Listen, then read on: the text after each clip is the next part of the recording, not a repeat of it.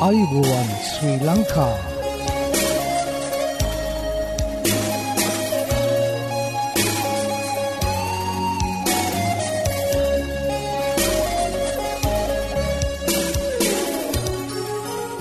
ඔබට සුපදස මේ ඇඩවෙන්ටිස්වර් රේඩියෝ බලාපොරොත්වය හඬ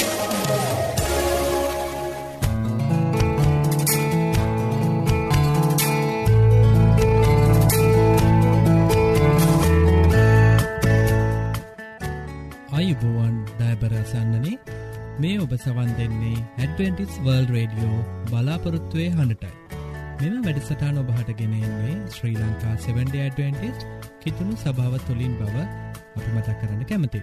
ඔබගේ ක්‍රස්තියානි හා අධ්‍යාත්මික ජීවිතය ගොඩනගා ගැනීමට මෙම වැඩසටාන රුකුලක් වේයයි අප සිතන. ඉතිං රැඳී සිටින්න අප සමඟ මේ බලාපොරොත්තුවේ හඬයි.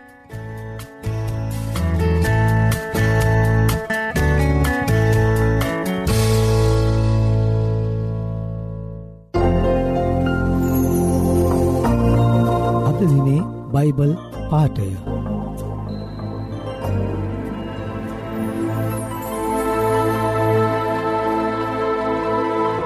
හිතෝපදේශය හත්වන පරිච්චේදය එකේ සිට තුන දක්වා.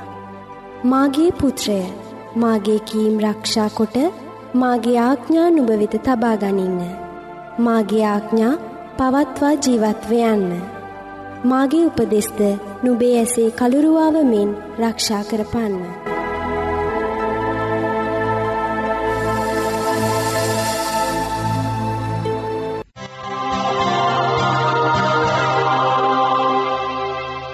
ඔබ මේ රැදි සිටින්නේ Sri Lanka Adventist World Radio බලාපොරොත්තුවය හඬ සමඟයි.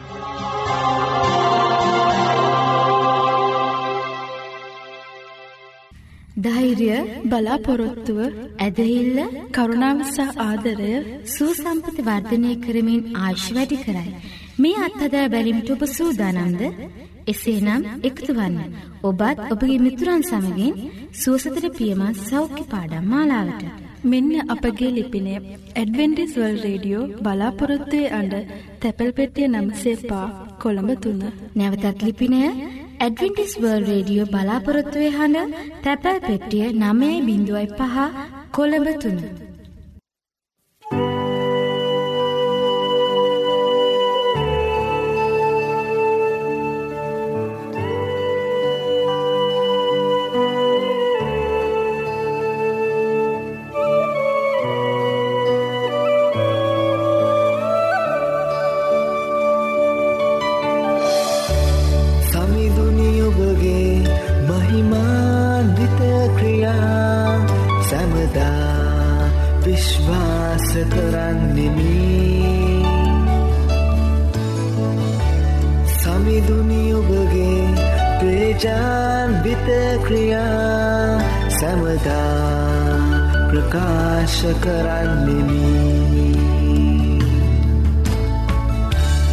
සමිඳුනි ඔබගේ මහිමාන්විත ක්‍රියා.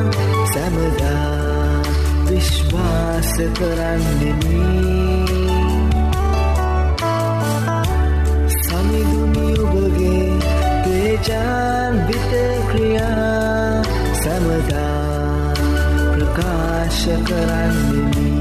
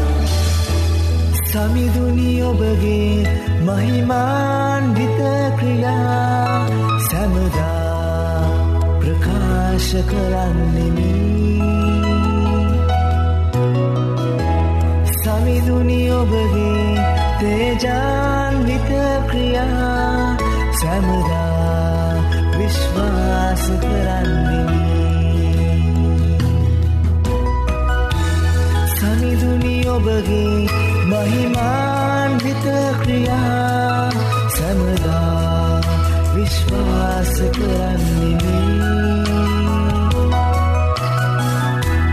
සමිදුනි ඔබගේ තේජාන්විත ක්‍රියා සැමදා ප්‍රකාශ කරන්නෙමි.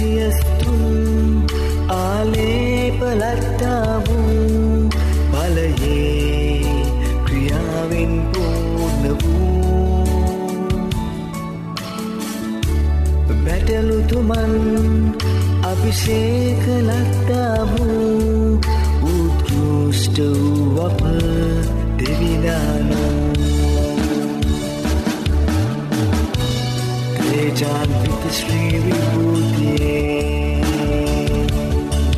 ආලෝකමත්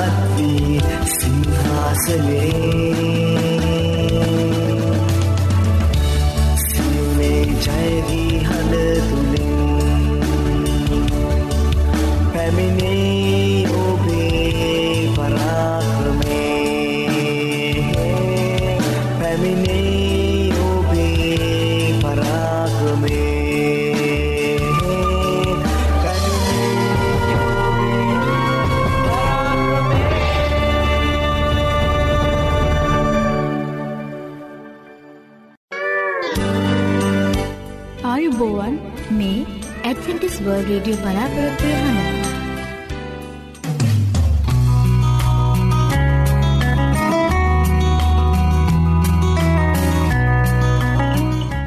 ඉතින් අසන්නනී ඔබලාට ස්තුතිවන්ත වෙනවා අපගේ මෙම වැඩසටාන් සමඟ එක්වී සිටීම ගැන. ඇතින් අපි අදත් යොමුුවමු අපගේ ධර්මදේශනාව සඳහා. අද ධර්මදේශනාව ඔබ හටගෙනෙන්නේ විලීරීත් දේවගෙදතුමා විසින්. ඉතින් ඔහුගෙනන ඒ දේවවාක්‍යයට අපි දැන් යොමු රැඳි සිටින්න මේ බලාපොරොත්තුවය හඬ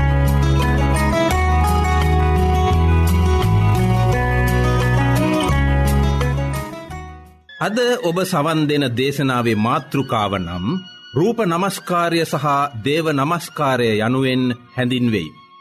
පුරාණ කාලයේ පටන් මැවුම්කරු සහ මිදුම්කරුවන මහොත්තම දෙවියන් වහන්සේට මිනිසුන් නමස්කාර කලෝය. එසේ දෙවියන් වහන්සේට නමස්කාර කිරීම සුද්ධ යටහත්කමින් සියලු ගෞරවය ඇතුව දෙවියන් වහන්සේට දැක් වූ නමස්කාරයක් විය. දෙවියන් වහන්සේට ප්‍රේමය ගෞරවය භක්තිය ඇතුව දෙවියන් වහන්සේගේ කැමැත්ත ලෙස උන්වහන්සේට මිනිසුන් නමස්කාර කළෝය. විශේෂයෙන් දෙවියන් වහන්සේට විශ්වාසකොට දෙවියන් වහන්සේගේ අඩිපාරේ ගමන් කරපු දේව භක්තිකයන් එසේ ස්වාමින් වහන්සේට නමස්කාර කළෝය. බලන්න දෙවියන් වහන්සේගේ ආග්ඥා පිළිපදිමින් දේව වචනයට අනුව ජීවත් වූ දාවිත්.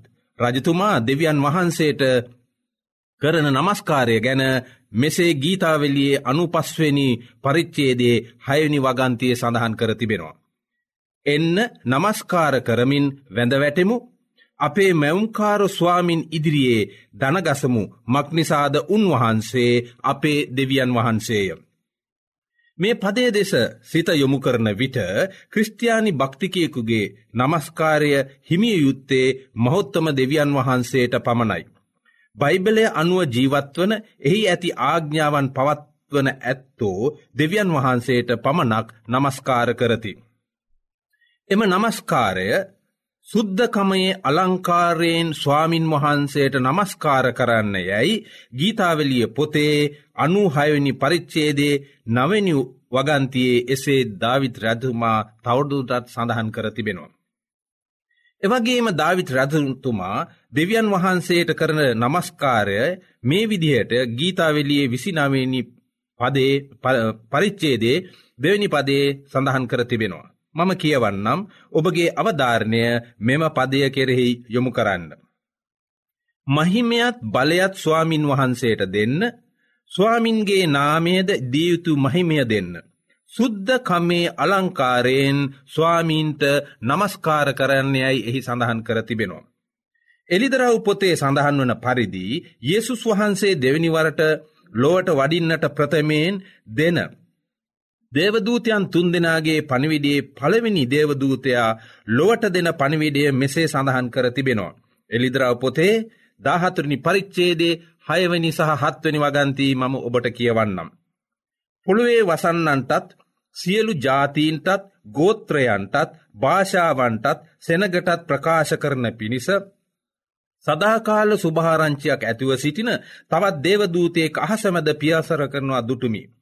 ඔහු මහත් ශද්ධයකින් කතා කරමින් දෙවියන් වහන්සේට බයවී උන්වහන්සේට ගෞරවය දෙන්න. මක්නිසාද උන්වහන්සේගේ විනිශ්චය පෑ පැමිණුණිය. අහසත් පොළොවත් මුහුදත් ජලුල්පතුත් මැවූ තැනැන් වහන්සේට නමස්කාර කරන්නේ ඇයි කීය. යේසුස් වහන්සේගේ දෙවන පැමිණීමේ බලාපොරොත්තුවෙන් සිටින සහස් සෙසු සෙනගටත් කරන විශේෂ දැන්වීමක්. අද මේ ලෝකයේ වසන සියලු දෙනාට මැවිලිකරුවන්ට නමස්කාර කරන්ට කරන ආයාචනයක් ඒ. දේවදූතයා මහත් හඬකින් ලොවට දෙන්නේ. අද මේ ලෝකයේ ජීවත්වන මනුෂ්‍යයන් මැවිලිකරුවන්නන්ට නොව උන්වහන්සේ මමන ලද දේවල්වලටයි නමස්කාර කරන්නේ. බොහෝ අය එනම් බයිබිලේ කියවන්නාව අයද අද රූපවලට නමස්කාර කරති. මෙය දේව වචනයට එකඟද යන ප්‍රශ්නය ඔබගේ සිතට එන්නට ඇතිනේ දසන්නෙනි. යෙසුස් වහන්සේ සාතන්ට පවා පැවසුවේ දෙවියන් වහන්සේට පමණක් නමස්කාර කරන ලෙසටයි. මේ සිද්ධිය මතයුතුමාගේ පොතේ හතුරනි පරිච්චේදේ නමේනි පදේ මෙසේ සඳහන් කර තිබෙනවා. නැවතත් යක්ෂයා උන්වහන්සේ ඉතා උස් කන්දකට පමුණවා ලෝකයේ සියලු රාජ්‍යන්ද එහි ආශ්චාර්යද උන්වහන්සේට පෙන්වා. ඔබ බිම වැටී මට නමස්කාර කරන්නෙහිනම් මේ සියල්ල ඔබට දෙන්නෙමි උන්වහන්සේට කීවේය. එවිට යේසුස් වහන්සේ උත්තර දෙමින් සාතන් අහක්ව යව. මක්නිසාද තාගේ දෙවියු ස්වාමින් වහන්සේට නමස්කාර කරව උන්වහන්සේට පමණක් සේවය කරවායයි ලියාතිබේයයි ඔහුට කීසේක. එසේ නම් අසන්නෙනි අපගේ නමස්කාරය සේවය සහ පිහිටපතා කරන යාඥාවන් හිමිය යුත්තේ දේවදූතයන්ටවත් මනුෂ්‍යයන්ටවත් රූපවලටවත් සාන්තුවරටත් නොව අහසත් පොළොවත් ජලුල්පද්ද මුළු විශ්වද මැව් දෙවියන් වහන්සේට පමණයි නේද මෙයයි දෙවියන් වහන්සේගේ කැමැත්ත. අසන්නෙන බලන්න අපගේ මැවුම්කරවාණන් සහ මිදුම්කරවාණන් දේව නමස්කාරය ගැන අපට දෙන ඉතා සරල අවබෝධය.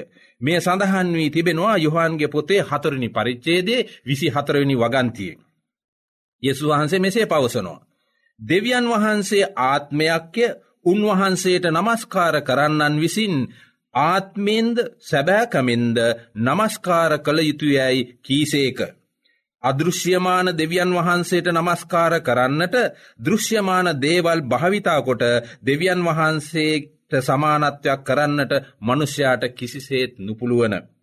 දෙවියන් වහන්සේගේ සමානුවත්වයට හෝ උන්වහන්සේ වෙනුවෙන් රූපයක් සාදා ඒට නමස්කාර කිරීම රූපවන්දනා වශයෙන් හඳුන්වනු ලැබේ. බොහෝ රටවල්වල සිටින ජනයා රූපවන්දනාව තුළින් ඒ ඒ රූපවලින් පෙන්නුම් කරන දෙවිවරුන්ට නමස්කාර කරති. ඒ අය ඒ රූපයට නොව ඒ රූපය පිළිඹුමු කරන දෙවිවරුන්ට නමස්කාර කරන බව පවසති. රූප නමස්කාරය තුළින් මියගිය ඇත්තන්ට නමස්කාර කරති.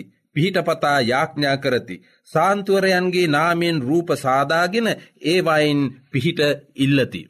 නොමුත් මේ මළගිය ඇත්තන්ට ජීවත්ව සිටින අයට පිහිටවන්නට පුළුවන්ද. දේවානු භාවෙන් ලියනලද සුද්ද බහිබලේ මලුන් ගැන මෙසේ පවසා තිබේ. දේශනාකාරයගේ පොතේ නමනි පරිච්චේදේ පස්වනි සහ හයවනි වගන්ති දෙස අපේ අවධාරණය දැන් යොමු කරමු. මම කියවන්නම්. මක්නිසාද ජීවත්වන්නෝ තමුන් නසින්ට ඕනෑ බව දනිති. මලාහු කිසිවක් නොදනිති. ඔවුන්ට තවත් කිසි විපතක් නැත. මක්නිසාද ඔවුන් ගැන සිහිවීම නැතිවිය. ඔහුගේ ප්‍රේමයද වෛරේද ඊර්ෂියාවද දැන් නැතිවී තිබේ. ඉර යට කෙරෙන සියල්ලන් තවත් සදාකාලයටම ඔවුන්ට කොටසක් නැත. එසේ මළගිය සාන්තුවරයන්ට කිසිම පිහිටක් මනුෂ්‍යන්ට ලබාදෙන්ට නොහැක. මනුෂ්‍යයන් විසින් සාන්තුවරයන් පත්කොට මනුෂ්‍යෝ වෙනුවෙන් මැදහත්කාර කිරීමේ ඒ කාර්ය දී ඇත්තේ දෙවියන් වහන්සේට නොව මනුෂ්‍යයන්ටයි. ජීවිතේ නොෙක් අවශ්‍යතාවයන් සඳහා සිය ගණනක් පමණ සාන්තුවරයන් පත්කොට ඇත. ඒ සාන්තුවරයන් මනුෂ්‍යයා වෙනුවෙන් මැදහත්කාරකම් කරති. ඒ සාන්තුවරයන්ට භාරහාර වෙති. යාඥා කරති නමස්කාර කරති පිහිට ඉල්ලති. රූපවන්දනාව බයිබලේ සඳහන් කර ඇත්තේ මලපතක් ලෙසටයි. අන්‍ය ජාතින්ගේ සිරිත් උපටා ගැනීමෙන් එයින් දෙවියන් වහන්සේට නිග්‍රහ කරති. බලන්න ගීතාවෙලිය එකසිය හයවෙනි පරිච්චේදේ තිස් පස්වනි සහ තිස් හයවෙනි වගන්තීන් ලෙස. ධාවිත් රජතුමා මෙසේ ලියා තිබේ සවන් දෙන්න. අන්‍ය ජාතීන් හා මිශ්‍රව ඔවුන්ගේ ක්‍රියා ඉගෙන ගත්තේය. ඔහු ඔවුන්ගේ රූපොල්ට මෙහ කළෝය එය ඔවුන්ට මලපතක් විය. රූපවන්දනාව දෙවියන් වහන්සේගේ සත්‍යතාවය වෙනුවට බොරුවක් තෝරා ගැනීම යැයි පවුල්තුමා පවසා තිබෙනවා. රෝමරුන්ගේ පොතේ පළවෙනි පරිච්චේදේ විසි පස්වනි වගන්තිය දෙස බලමු. එසේ කළේ ඔවුන් දෙවියන් වහන්සේගේ සත්‍යය බොරුවකට මාරු කර මැවුම්කරුවන් වහන්සේ නොව මැවිල්ලට නමස්කාර කරමින් මෙහෙ කළ නිසාය. මහොත්තම දෙවියන් වහන්සේට නමස්කාර කරනවා වෙනුවට රූප සාදාගෙන මැවිල්ලේ තිබෙන ඉරහඳ තාරකා ගස්ගල්වලට පවා මනුෂ්‍යයන් නමස්කාරකොට ඒවායින් පිහිටව් ඉල්ලන අවස්ථාවන් අදද ඒ ආකාරයෙන්ම පවතින්නේය. මක්නිසාද ඇත්තේ එකම දෙවි කෙනෙක් සහ දෙවියන් වහන්සේටත් මනුෂ්‍යයන්ටත් අතරේ එක මැදහත්කාර කෙනෙක්ය. උන්වහන්සේ සියල්ලන් උදෙසා මිදීමේ මිලයක් කොට තමන්ම දුන්නාව මනුෂ්‍යාව යේසුස් ක්‍රිස්තුස් වහන්සේය. ග්‍රීක ජාතිකයන් දෙවිවරු තිස්දහකට නමස්කාර කලෝය. දානියල්ගේ පොතේ පස්වනි පරිච්චේදේ සඳහන් වන පරිදි බබිලියෝනුවරු රන්ද රිදීද පිත්තලද යකඩද ලීද ගල්ද වූ දෙවිවරුන්ට නමස්කාර කලෝය. රූපසාදා ඊට නමස්කාර කලෝය. ඉන්දියාවේ තිස්තුන් කෝටියක් දෙවිවරුන්ට නමස්කාර කරති. යේසුස් වහන්සේ ඉපදුණු කාලයේද රෝමවරුන් සියලු දෙවිවරුන් උදෙසා පැන්තියොන් නමින් සියලු දෙවිවරුන්ට කැපවූ දේවාලයක් සෑදුවෝය. අද නොෙක් ලෝකයේ නොෙක් රටවල්වලද ලංකාවේද සියලු සාන්තුරයන් සඳහා කැප වූ දේවස්ථාන ඇත. සියලු සාන්තුරයන් සඳහා දිනයක්ද ඔවුන් සිහිකිරීම පිණිස වෙන් කර ඇත. සතියේ දවස් ඔවුන් වෙනුවෙන් එනම් සාන්තුවරයන් උදෙසා වෙන් කර ඇත. රෝම රාජ්‍යයේ සිටි මනුෂ්‍යයන් බොහෝ දෙවරුන්ට නමස්කාර කළෝය. මනුෂ්‍යයාගේ එදිනෙදා ජීවිතයේ අවශ්‍යතාවයන්ට ඔවුන්ගෙන් පිහිට ඉල්ලුවෝය. රෝමිය සිටි මනුෂ්‍යයන් දක්ෂ ලෙස කතා කරන්ට පුළුවන් අයට පිහිටවන්නට දෙවි කෙනෙක් නියම කර තිබුණා. බලන්න ක්‍රියාපොතේ දහතරණි පරිච්චේදේ සඳහන් වෙනවා ඒසුස් කෘස්තුස් වහන්සේ කෙරෙහි විශ්වාසය තිබූ උන්වහන්සේ අනුගමනය කළ පවුල් අපෝස්තුලවරයා සහ බර්ණබස් රෝමයේ තිබූ ඉකෝනියාවසා ලුස්ත්‍රියාවයෙහිදී කළ දේශනය නිසා රෝගියෙක් සුවය ලැබුවය. එකල සමූහයන් පවුල් කළදේ දැක ශබ්ද නගා. දෙවිවරු මනුෂ්‍ය වේශයෙන් අපළඟට බැස සිටිතියයි ලුකේනිය සිටු භාෂාවෙන් කීවෝය. ඕ බර්ණබස්ට සියස් යන දෙවියන්ගේ නාමිය තැබූෝය. පවුල් දක්ෂ කතිකෙක් නිසා කතිකයන්ට පිහිටවන හෙර්මියස් නම් දෙවයාගේ නම පවුල්ට තැබුවෝය. ඔහු පවුල් සහ බර්ණබස් දෙවරුන්නැයි සිතා සියුස් දේවාලේ පූජක ඇතුළු සෙනග පවුල්ට සහ බර්ණබස්ට යාග කරන්ට හැදුවෝය. බලන් අසන්නෙන සැබැහැ මැවුම්කරු දෙවියන් වහන්සේට නමස්කාරය දැක් වූ පවල්තුමාගේ ප්‍රතිචාරයේ අවස්ථාවේදී. මනුෂ්‍යයනී නුබලා මේ දේවල් කරන්නේ මක්නිසාද අපිත් නුඹලා සමාන ගතිගුණ ඇති මනුෂ්‍යෝය නුඹලා නිස්්පල දේවලින් දුරුව අහස්සත් පොළොවත් මුහුදත් එහි ඇති සියල්ලන් මැව් ජීවමාන වූ දෙවියන් වහන්සේ වෙතට හැරි හැරෙන පිණිස සුභහරංචිය ගෙනමූ පැවසුවය. ඔහු මෙසේ කීමින් තමුන්ට පූජා ඔප්පු කර නොකරන ලෙස සමුහයාගෙන් ඉතාමත්ම අමාරුවෙන් ඉල්ලා සිටුවේ. නවීන ලෝකයේ සිටින බයිබලය හරිහැටි අවබෝ කර නොගත් ක්‍රිස්තියානි අය සාන්තුවරයන්ගෙන් පිහිටපතා පඩුරු ඉටිපන්දම් ඔප්පු කරමින් පිහිට ඉල්ලති යාඥා කරති. ඒසුස් කෘස්තුස් වහන්සේ අපේ මැදහත්කාරයණන් ලෙස අද අප අප වෙනුවෙන් ජීවමානව ස්වර්ගෙහි වැඩ සිටිනසේක. එසේනම් මළගිය සාන්තුරයන්ගෙන් පිහිට පැතීම නිෂ්පල දෙයක් නේද. දෙවියන් වහන්සේගේ ආඥාවන් කඩකිරීමක් නේද. අසන්නෙන අපි දසපනතේ පළවෙනි සහ දෙවැනි පනත මම කියවන්නම්. ඔබගේ අවධාරණය යොමු කරන්න ඒ ගැන මෙනෙහි කරන්න. නික්මෑම් පොතේ විසිවෙනි පරිච්චේදේ තුන්වෙනි සහ හතරණි වගන්තීවල සඳහන් වෙන්නේ මා හැර අන් දෙවිවරුන් තට ඇතුව නොසිටිව. කැපූ රූපයක් හෝ උඩ අහසේවත් පාත පොළොහෙවත් පොළොවෙන් යට ජලහෙවත් කිසිම දේක සමානත්වයක් හෝ තට සාදා නොගනුව ඊට නමස්කාර නොකරව සේවය නොකරව. එමෙන්ම තවදුරටත් ස්වාමින් වහන්සේ ලෙවිවරුන් වන පූජකයන්ට කතාකොට මෙසේ වදාලසේක ලෙවී පොතේ විසිහයනි පරිච්චේදේ පළවෙනි වගන්තය සඳහන් වෙන්නේ රූප සාදා නොගනිල්ලා.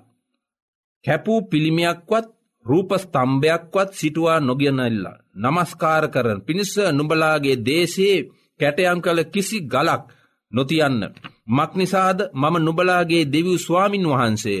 නුබලා මාගේ සබත් රක්ෂා කළ යුතුය මාගේ දේවස්ථානයට ගෞරුවය කළ යුතුය මම ස්වාමින් වහන්සේය. තවද රූපොල්ට නමස්කාර කර මුලා නොවෙන ලෙස බයිබලයේ සඳහන් වී ඇත. මාගේ ප්‍රිය දරුවනි දේවතා රූපවලින් දුරුව සිටින්නේ යයි යොහන්තුමා එක යොහන්ගේ පොතේ පස්වනි පරිච්චේදේ දෙවැනි වගන්තිය සඳහන් කර තිබෙනවා. එනෙන්ම දෙවියන් වහන්සේගේ ප්‍රසංසාව සහ නාමය වෙනත් පුද්ගලයින්ට දී නැත. එසේද නොවන්නේය. එසයාගේ පොතේ හතලිස්දවෙනි පරිච්චේදේ අටවෙනි වගන්තියේ දෙවියන් වහන්සේ ඒ යසායා ප්‍රපේතවරයා තුළින් මනුෂ්‍යයන්ට මෙසේ වදාලසේක. මම ස්වාමින් වහන්සේය මාගේ නම ඒකය මාගේ ගෞරවය අන් කෙනෙකුටවත් මාගේ ප්‍රසංසාව රූපවලටවත් නොදෙන්නෙමි. දෙවියන් වහන්සේ එසේ නොකරන්නේ නම් මනුෂ්‍යයන්ට පුළුවන්ද දෙවියන් වහන්සේට එරහිව ක්‍රියා කරන්න. දෙවියන් වහන්සේ නොකළ දෙයක් කරන්න. රූපවන්දනාව දෙවියන් වහන්සේට පිළිකුලක්ය. රූපවලට නමස්කාර කරන අයට දැනුම නැතැයි එසයාගේ පොතේ හතලිස් පස්වනි පරිච්චේදේ විසිනු අගන්තයේ සඳහන් වෙනවා. දස පනත පවත්වන අය ඒසුස් වහන්සේට ප්‍රේම කරති. උන්වහන්සේට ප්‍රේම කරන අය රූප නමස්කාර නොකරති. ඔබත් බයිබලේ ඇති සත්‍යතාවේ ඉගෙනගෙන දැනුම ඇති ක්‍රස්තියානි භක්තිකයකු ලෙස එයට ඒවා පවත්වන්ට එසේ පවත්වන්නට අධිෂ්ඨාන කරගන්න. දෙවියන් වහන්සේ ඔබට ඒ තීරණය ගන්ට ආශිර්වාද කරන සේක්වා. මනුෂ්‍යයන්ගේ ශීක්ෂාවන් ගුරුකම්කොට උගන්වමින් ඔවුන් මට නමස්කාර කරන්නේ නිරර්ථකයයි යේසුස් වහන්සේ වදාලසේක. මේ සඳහන් වී තිබෙනවා මතයුතුමාගේ සුභාරංචිය පාලොස්වනි පරිච්චදේ නමවෙනි වගන්තිය. බයිබලයට එකඟ නොවන විදිහට මනුෂ්‍යයන්ගේ නියෝග පැවැත්වීම දෙවියන් වහන්සේට අකීකරුවීමක්ය. ඇදහිල්ලෙන් අහක්වයාමයක්ය ඇදහිල්ලෙන් නූසිියල්ල පාපයක්ය. එනිසා සන්නෙන ඔබ මහොත්තම මැවුම්කාර ගැලුම්කාර දෙවියන් වහන්සේට ප්‍රසංසා කරන්නට නමස්කාර කරන්නට උන්වහන්සේ වෙනුවෙන් නියෝජනය කරන්නව මැදහත්කාරකම් කරන්නව ඒසුස් කෘස්තුස් වහන්සේට ප්‍රේමකොට උන්වහන්සේගේ ආග්ඥාපනත් රක්ෂා කරන්නට අපට ඇති එකම පිහිට උන්වහන්සේ පමණක්ය රූප හෝ කිසිම දේකට අපට පිහිට වෙන්නට බැරිය. ඉන්නිසා ඔබත් මහොත්තම ගැලුම්කාර දෙවියන් වහන්සේට නමස්කාර කරන්නට උන්වහන්සේගේ අඩිපාරය ගමන් කරන්නට උන්වහන්සේගේ ආශිරවාද ඔබ සීලු දෙනාටම ලැබෙත්වා ආමේ. ආයුබෝවන් මේ ඇඩවෙන්ටිස් වර්ල් රේඩියෝ බලාපොරොත්වය හන. ධෛර්ය බලාපොරොත්තුව ඇදහිල්ල කරුණාවසා ආදරය සූසම්පත වර්ධනය කරමින් ආශ් වැඩි කරයි. මේ අත්හදා බැලිමිට ඔබ සූදානන්ද එසේනම් එකතුවන්න ඔබත් ඔබගේ මිතුරන් සමගින් සුවසතර පියමත් සෞඛ්‍ය පාඩම් මාලාවට. මෙන්න අපගේ ලිපිනය ඇඩවෙන්ඩිස්වල් රේඩියෝ බලාපොරොත්තුවේ අඩ තැපැල් පෙටිය නම්සේ පා කොළඹ තුන්න. නැවතත් ලිපිනය ඇඩවෙන්ටිස් වර්ල් රේඩියෝ බලාපොරොත්තුවේ හඬ තැපැල් පෙට්ටිය නමේ බිඳුවයි පහ කොළඹ තුන්න.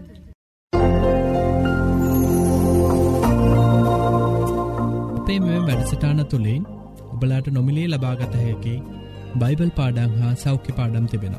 ඉතිං ඔබලා කැමතිනං ඒවට සමඟ එක්වෙන්න අපට ලියන්න. අපගේ ලිපින ඇඩවෙන්ටිස් වර්ල් රඩියෝ බලාපොරොත්තුවය හඬ තැපැල් පෙට්ටිය නමසය පහ කොළඹ තුන්න මම නැවතත් ලිපිනේම තක් කරන්න ඇඩවෙන්ටිස් වර්ල් රඩියෝ බලාපොරොත්තුවය හඬ තැපැල් පෙට්ටිය නමසය පහ කොළඹ තුන්න ඒ වගේ මොබලාට ඉතාමත් ස්තුතිවන්ත වෙනවා අපගේ මෙම වැඩසිරාණ දක්කන්නව ප්‍රතිචාර ගැන.